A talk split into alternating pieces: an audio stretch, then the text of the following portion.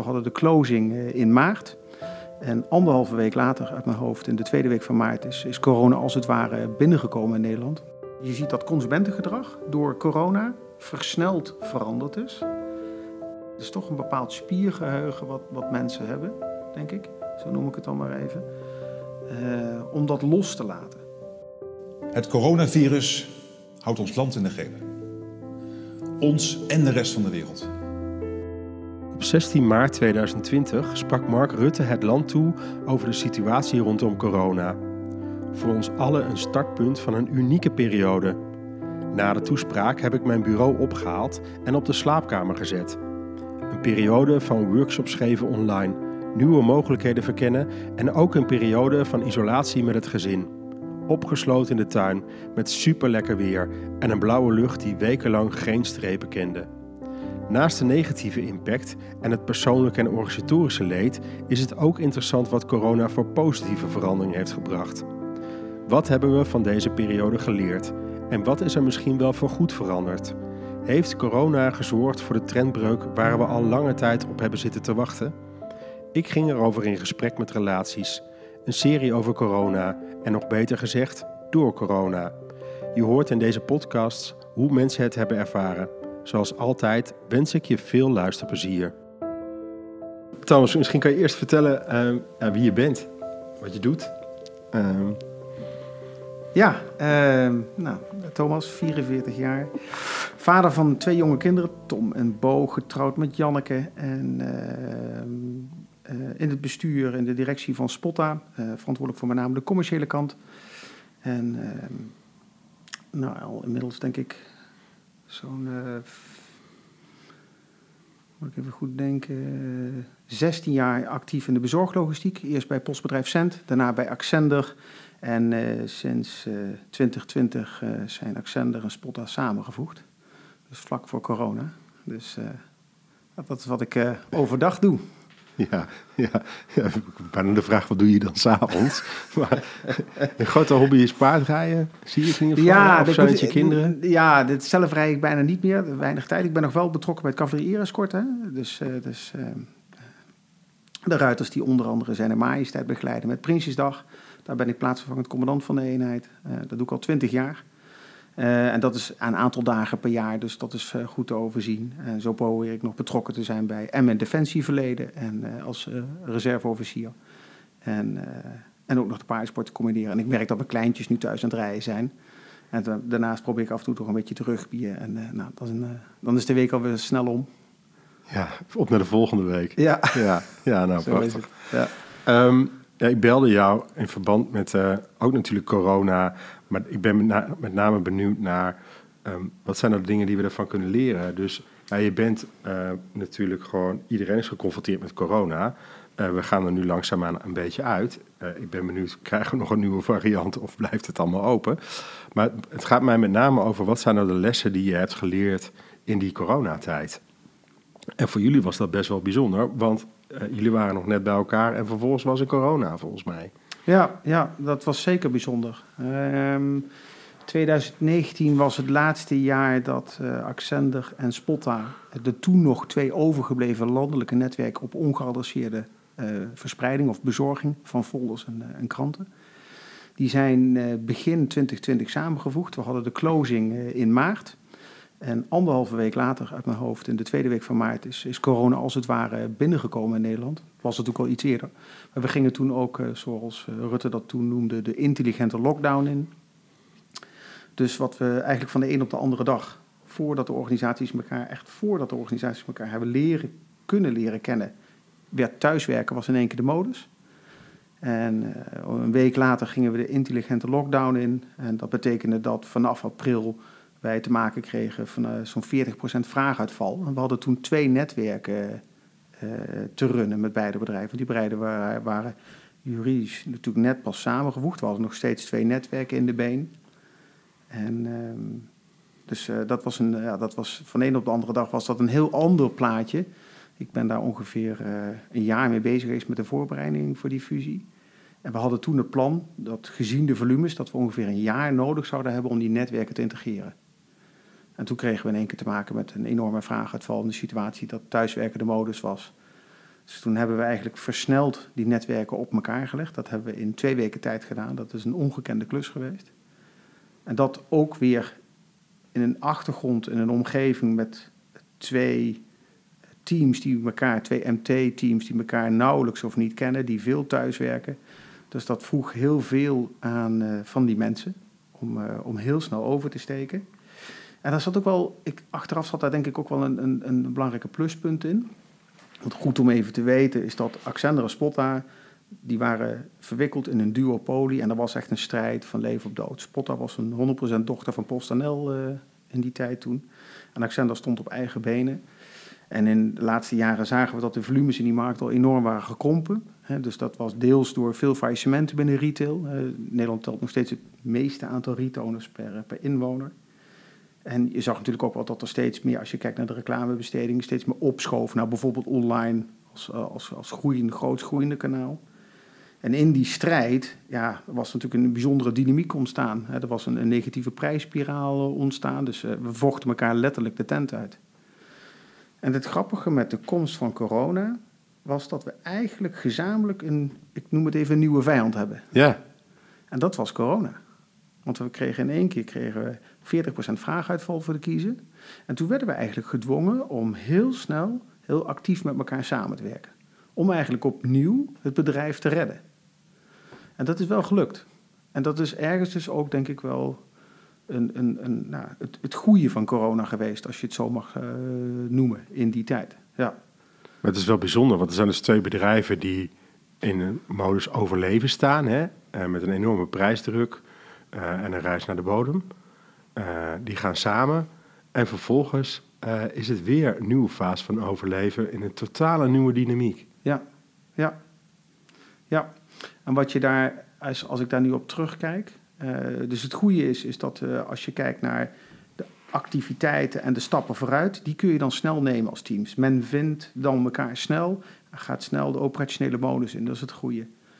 Uh, we zijn later die, in de zomer van dat jaar, hebben we ook de hoofdkantoren samengevoegd. En we ook een grote reorganisatie toe moeten draaien. En we helaas natuurlijk ook veel afscheid moeten nemen van veel collega's, omdat we natuurlijk ook een aantal functies dubbel hadden, want we gingen terug naar één netwerk.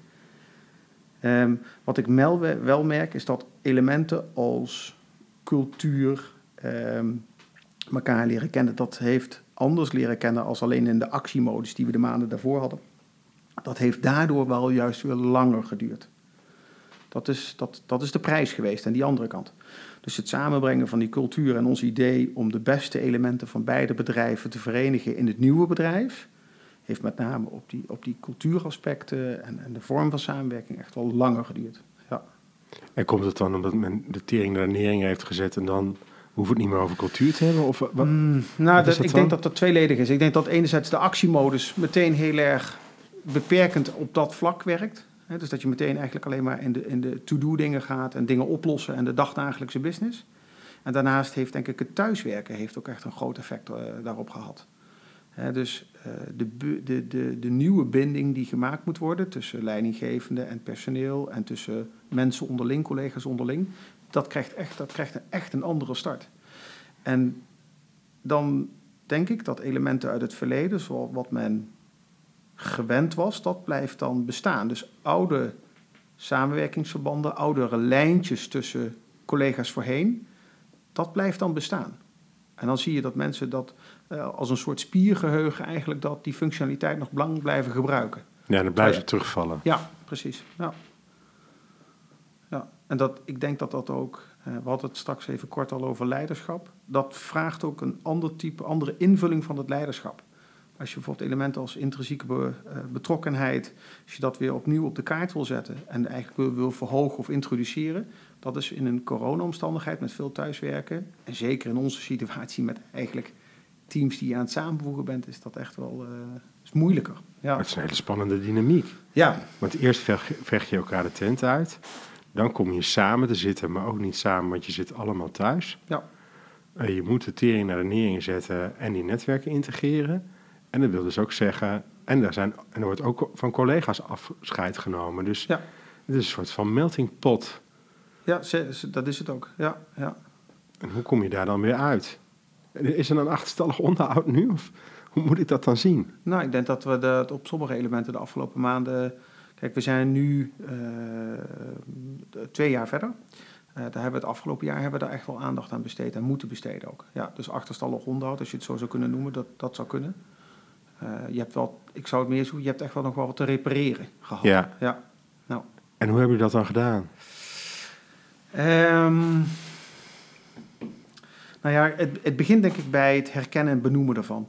Uh, dus daar gewoon actief mee aan de slag. Uh, we hebben een keer een heissessie gehad met het MT. Uh, dat zit hem denk ik ook in de kleine dingetjes. Hoe stuur je aan? Hoe, waar leg je de nadruk op? Als je, je je teams aanstuurt, je MT, welke opdrachten geef je mee? Ehm, waar hecht je belang aan, denk ik? Ik denk dat dat heel erg belangrijk is. Dat dat, uh, en we zijn er daar nog niet helemaal hoor. We hebben daar echt wel stappen gemaakt. Um, en het is, we, zitten, we blijven ook daarnaast in een ontzettend dynamische omgeving zitten.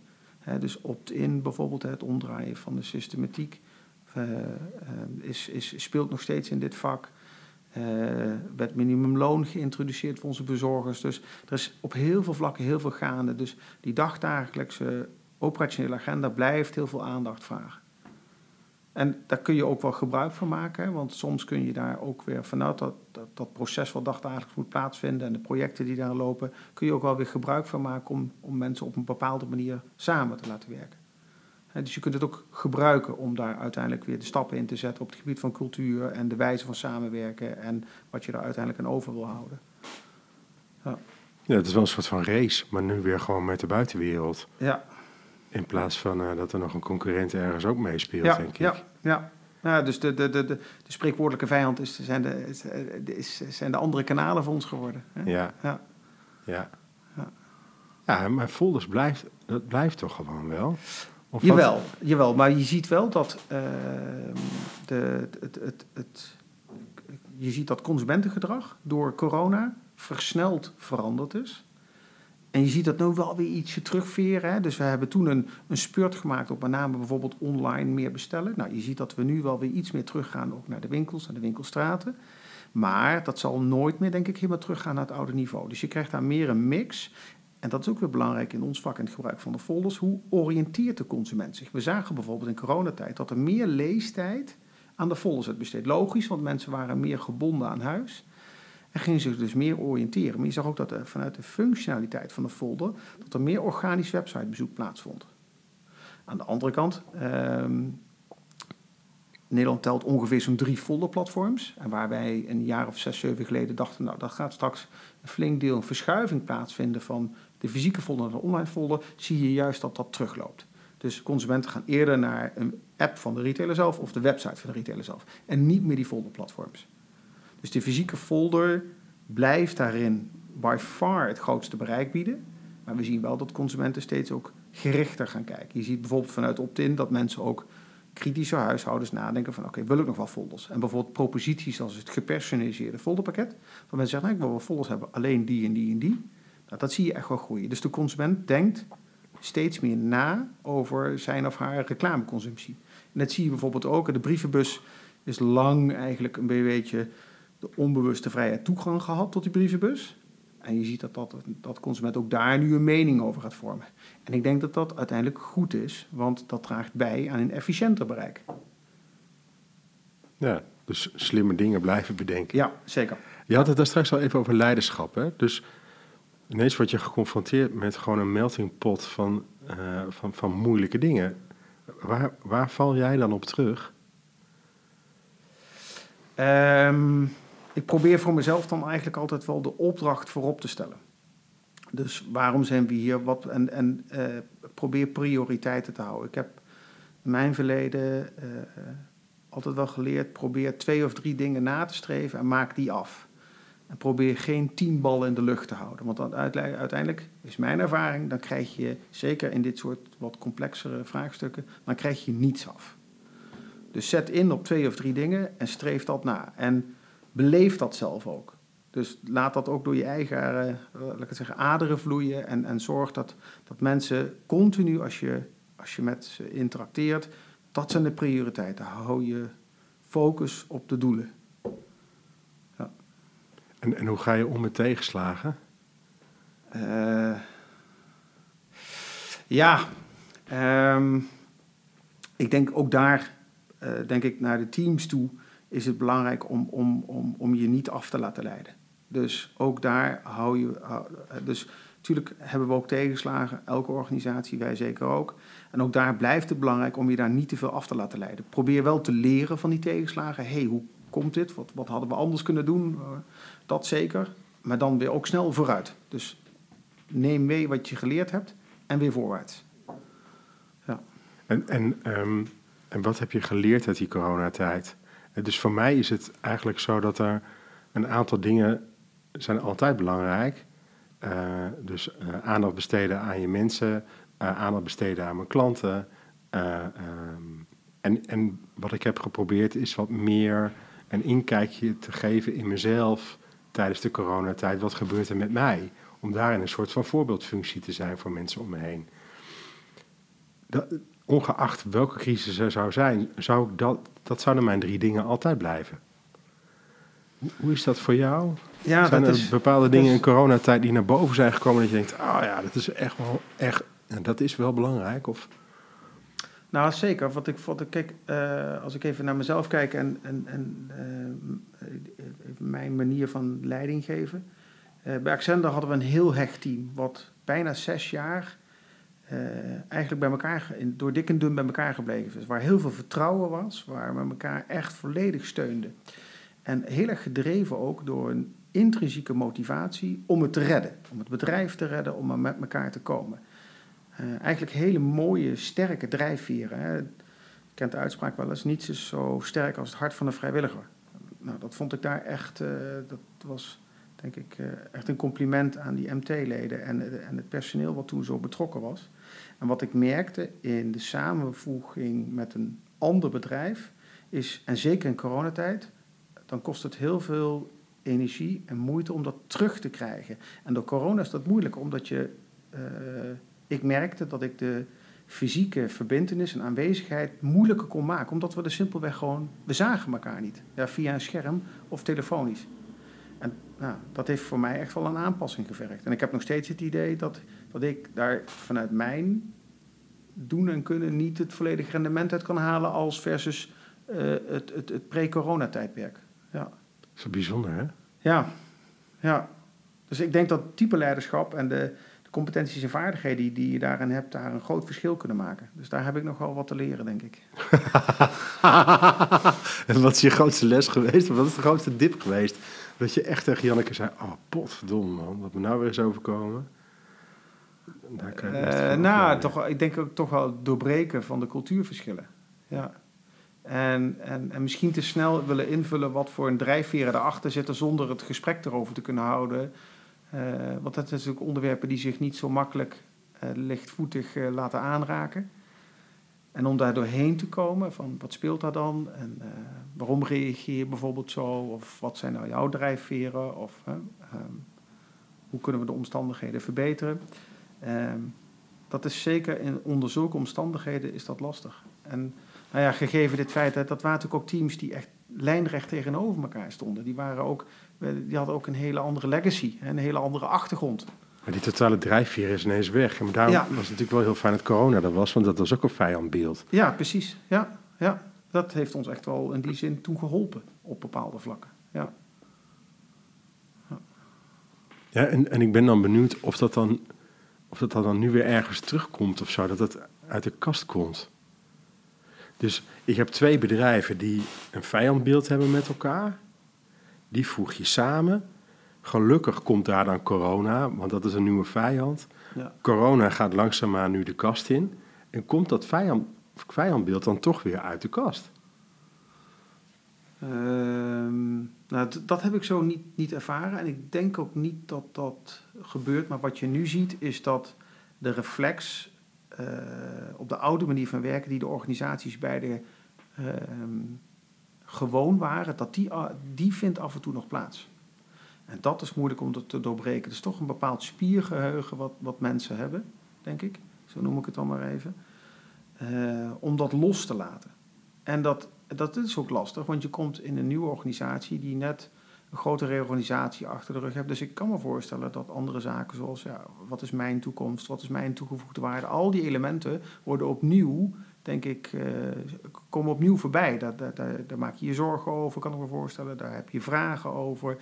En, en daarbij komt nog eens dat ehm, als je kijkt naar de toegevoegde waarde van dit bedrijf, haar huidige core business en naar de toekomst, zie je dat we daar een, een, een, een, een kanteling moeten gaan maken. Dus de proposities van nu zullen niet meer in dezelfde omvang de proposities van de nabije toekomst zijn, tussen drie en vijf jaar bijvoorbeeld.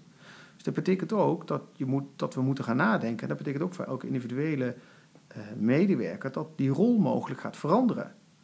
Hè, dus ook die, dat stukje onzekerheid of komt er ook bij kijken van ja, maar oké, dit kan ik nu, daar was ik altijd goed in, maar als, we, als dat steeds minder gaat worden, wat ga ik dan straks doen? En het mooie wel is, is dat er in de breedste zin, dat zie ik ook bij Spotta, er is wel veel loyaliteit naar het bedrijf en ook veel betrokkenheid bij het medium. Dus daar zit ook wel weer een bepaalde kracht. Ja, dus, dus de bestemming blijft een beetje ongewis. Waar gaan we naartoe? Hoe zal dat zijn? Dat was natuurlijk ehm, nou, vijf jaar geleden ook zo, uh, want toen zat je vol in de strijd met elkaar. Um, er is één concurrent eigenlijk weg, je bent uit die duopolie. Maar de bestemming wordt niet minder ongewis. Nee, maar het, het, het, terecht wat je zegt. Alleen toen was daar niet eigenlijk de, uh, was daar de focus niet op. de, focus was op zelf overleven. En de kortste stap daarbij was in dit geval klanten en volume afpakken van de ander. Ja. Ja. Ja. ja en dan, en dan, dan krijg je inderdaad dat, dat effect op de langere termijn eigenlijk te weinig aandacht krijgen. Omdat je met je dagdagelijks overleven bezig bent. En dat is ook logisch, hè? Dus, ja, nee, maar ik moet dan, ik, dus ik stel me dan even voor dat er twee legers tegenover elkaar staan, hè, wij tegen zij. En, uh, en ineens, um, nu is één leger weg. En vervolgens kom je in een soort van, ja, word je gewoon geraakt. Uh, krijg je een uitdaging. En het eerste wat je doet is op zoek gaan naar dat andere leger. Maar ja, dat is er niet meer. Nee. Is dat dan de spier? Of over welke spier heb je het? Nou, Oude contacten. De spier, de, spier is hoe, hoe deden we het voorheen? dus wie zat waar, op welke functie en hoe waren bijvoorbeeld onze overlegstructuren? Uh, waar lagen bepaalde verantwoordelijkheden en taken? Kijk, we hebben met de samenvoeging hebben we een, een MT wat precies uit uh, vijf Spotta-medewerkers en vijf uh, Accender-MT-leden bestond. En zo hebben we ook getracht om een bepaalde evenredige verdeling te laten plaatsvinden, om de cultuur van beide bedrijven op een goede manier geborgd en vertegenwoordigd te krijgen in dat nieuwe team. Alleen we gingen wel uit van het huis van Spotta, omdat hun productiecapaciteit groter was als die van Accender. En dan krijg je toch dat de oudere kolomstructuur die hier stond, die is dan heersend. Die blijft dominant. Ja, en als je over spiergeheugen, dan zie je bijvoorbeeld als een voorbeeld, dan zie je dat, dat de werking in zo'n kolomstructuur dan nog lang overeind blijft. Nou, en dat, dat moeten we natuurlijk niet afbreken, hè? want uh, de processen moeten wel geborgd blijven, goed blijven werken. Maar we willen daar misschien wat meer flexibiliteit. En zodat we daar ook weer de ruimte en mogelijkheid krijgen om straks naar de toekomst te kijken, nieuwe proposities. Maar dat vraagt ook, met, dat begint bij mensen die elkaar moeten vinden. En, en nu is ook alles paars, alles is nu spotta. Hè? Ja, ja, ja, ja. Dus ja. is dat nog wel overwogen? Ja, zeker. Nee, maar dat doet ook wat, denk ik, hè? Um, ik heb dat met name, het, het gekke is dat ik dat bij veel productiemedewerkers van Accender terugkrijg. Die zeggen, we gaan naar het huis van Spotta en alles is nu paars. En ze vonden het ook niet de mooiste kleur. Nou, daar heb ik wel een beetje beeld bij. Maar voor mezelf heb ik dat, heb ik dat eigenlijk helemaal niet gevonden als, uh, als, als, als, als, als, als een issue. Ik, de, ik, we hebben gewoon een afweging gemaakt. We hadden eigenlijk drie keuzes. We, hebben, we gaan of met de merknaam Accender verder, of Spotta, of een nieuwe. Nou, een nieuwe, dat was niet zo handig, want dan zou je eigenlijk vanuit die visie zou je eigenlijk alles wat je opgebouwd hebt, en naamsbekendheid en eh, penetratie bij consumenten weggooien. En die was van Spotta als merknaam gewoon groter bij consumenten als Accender. Dus dat was, voor mij was dat eigenlijk wel een hele makkelijke keuze. Ja. Ja, en vanuit die wetenschap was die, was die keuze dan, dus heb ik ook, ja, heb ik, beschouw ik dat ook niet als een verlies of heb ik er niet een bepaalde emotionele de kracht van Accender zit in het DNA en niet in de kleur of de naam naar buiten toe. Ja, nou, ik kijk, ik kijk zeg maar ook wel met een systemische bril ernaar. Hè? Dus de een gaat op in het andere eigenlijk. Ja, En dat doet dan weer wat. ja, En, en dan kan je zeggen, ja, het is een, en tegelijkertijd was het wel een soort van samenvoeging van gelijken. Eh, maar iemand mag zijn naam dan houden. ja. Nee, dus ik begrijp heel goed, hè, dus ik begrijp goed wat je zegt. En ik snap de emotie, met name ook bij de productiemedewerkers. Want die lopen af en toe nog steeds met hun Accender shirt. En daar zijn ze dan trots op. En ik begrijp dat. En ik moet ook opletten dat ik daar niet te makkelijk over denk. Hè? Dat Ja. ik dat ook weer uitstraal van ja, het, het, het boeit Thomas niet zoveel. Dat is niet zo. ja, die krijg je meteen terug. Ja, want dat is heel tastbaar. Zo'n naam en zo'n uitstraling is voor hun heel tastbaar. Weet je, dat is waar zij jaren voor gevochten hebben. Ja. Zij waren natuurlijk onderdeel van dat leger, wat, wat die strijd aan is gegaan. Ja, dat, geven heftig. we nu in één keer zomaar op bij wijze van Ja, spreken. hè? ja, ja, ja, Dat Ja. gevoel kan, en dat moet je dan echt wel uit blijven leggen, volgens mij. ja, Eh, en ik moest lachen, want Accender was groen, toch? ja. Groen en blauw. Ja, Dus, dus ik dacht, oh ja, jij zit met een paars boekje en ik zit Ja. hier met een groen boekje. heel goed. Maar ja, ja, en ik ben dan een beetje van de rituelen. ehm, maar misschien moet ik gewoon een Accenderdag doen of zo, hè? Dat iedereen gewoon in een Accender shirtje komt. Dat is één dag per jaar of zo. Ja. Ik, ik weet niet, maar... Nou, we hebben nog wel bepaalde eh, uitingen van Accender. Eh, bijvoorbeeld op, op bepaalde borden van naamborden en, en, en, en stukjes eh, foto's van brievenbussen van bijzondere momenten hebben we hier door het hele pand hangen. Dus zo, zo proberen we de herinnering ook nog wel eh, eh, levende te houden. Ja. ja. Ja, ja, dat is echt zo ongelooflijk belangrijk. Ja. Dus in mijn vakgebied is dat echt wel heel belangrijk. ja. En ja. hoor je er dan bij, dus hoor je erbij, eh, mag dat verleden ook erbij horen. En ik denk wel dat de spier van overleven, ja, die moet je weer opnieuw richten. Ja. ja. Ja. En, dat is, en, en de uitdaging daarbij is omdat, omdat we daar nog in de oriëntatiefase zitten. Dus we zijn wel wat dingen aan het ontwikkelen en het verkennen nu. eh, dat maakt dat ook, dat brengt ook een bepaalde onzekerheid bij personeel met zich mee. Omdat er is niet een nieuwe duidelijke vijand, als het ware. We, dus je krijgt ook vragen van, ja, maar wat zijn wij nu eigenlijk? Zijn wij nou een logistiek bedrijf? Of Ja. zijn wij bijvoorbeeld eh, eh, ja, meer een, een, een kanaal op zichzelf? Of een marketingbedrijf? Of, hè, het- wat is onze toegevoegde waarde precies? Nou, dat soort identiteitsvragen, die krijg je. Ja, Die, die spelen nu. Dat snap ik ook wel. ja en, en voorheen kon je dan zeggen, we staan nu hier en we gaan daar en daar staat de concurrent en we moeten harder lopen. Ja. Eh, en, en nu komt het beeld veel meer op inderdaad identiteit. We staan nu hier, we voelen allemaal wel dat we niet helemaal weten waar we uitkomen, maar we voelen ook wel dat het anders moet. Ja. Ja. En de toekomst is ongewis. Ja. Ja. En wat is er dan belangrijk in leiderschap? Hoe Nou, ik denk, ik, kijk, ik geloof, eh, mijn stijl is altijd wel geweest om eh, zoveel mogelijk mensen decentraal mee te nemen in de situatie waar we zitten als bedrijf. Dus verantwoordelijkheden eh, laag neer te leggen. en mensen ook mee te nemen in waar we staan, zonder ongerustheid te creëren. Maar ze gewoon onderdeel te maken van, in dit geval bijvoorbeeld, de ontwikkeling van de folder. Kijk, de folder blijft echt de komende eh, tien jaar eigenlijk wel bestaan. Maar als je kijkt naar de toegevoegde waarde en het gebruik van de folder, dat zit in ontwikkeling. En daar nemen we dan onze, onze mensen in mee. Dus proberen ja, ze uit te leggen waar we als bedrijf staan, gebruik te maken van hun kennis en ideeën. Dus ook weer daar de eenheid te creëren, eh, de intrinsieke motivatie eh, op te zoeken en ze daar het binding in te geven. En dat, is, ja, dat gaat veel tijd in zitten, veel praten, mensen meenemen. Ja. Prachtig. Ja, ja.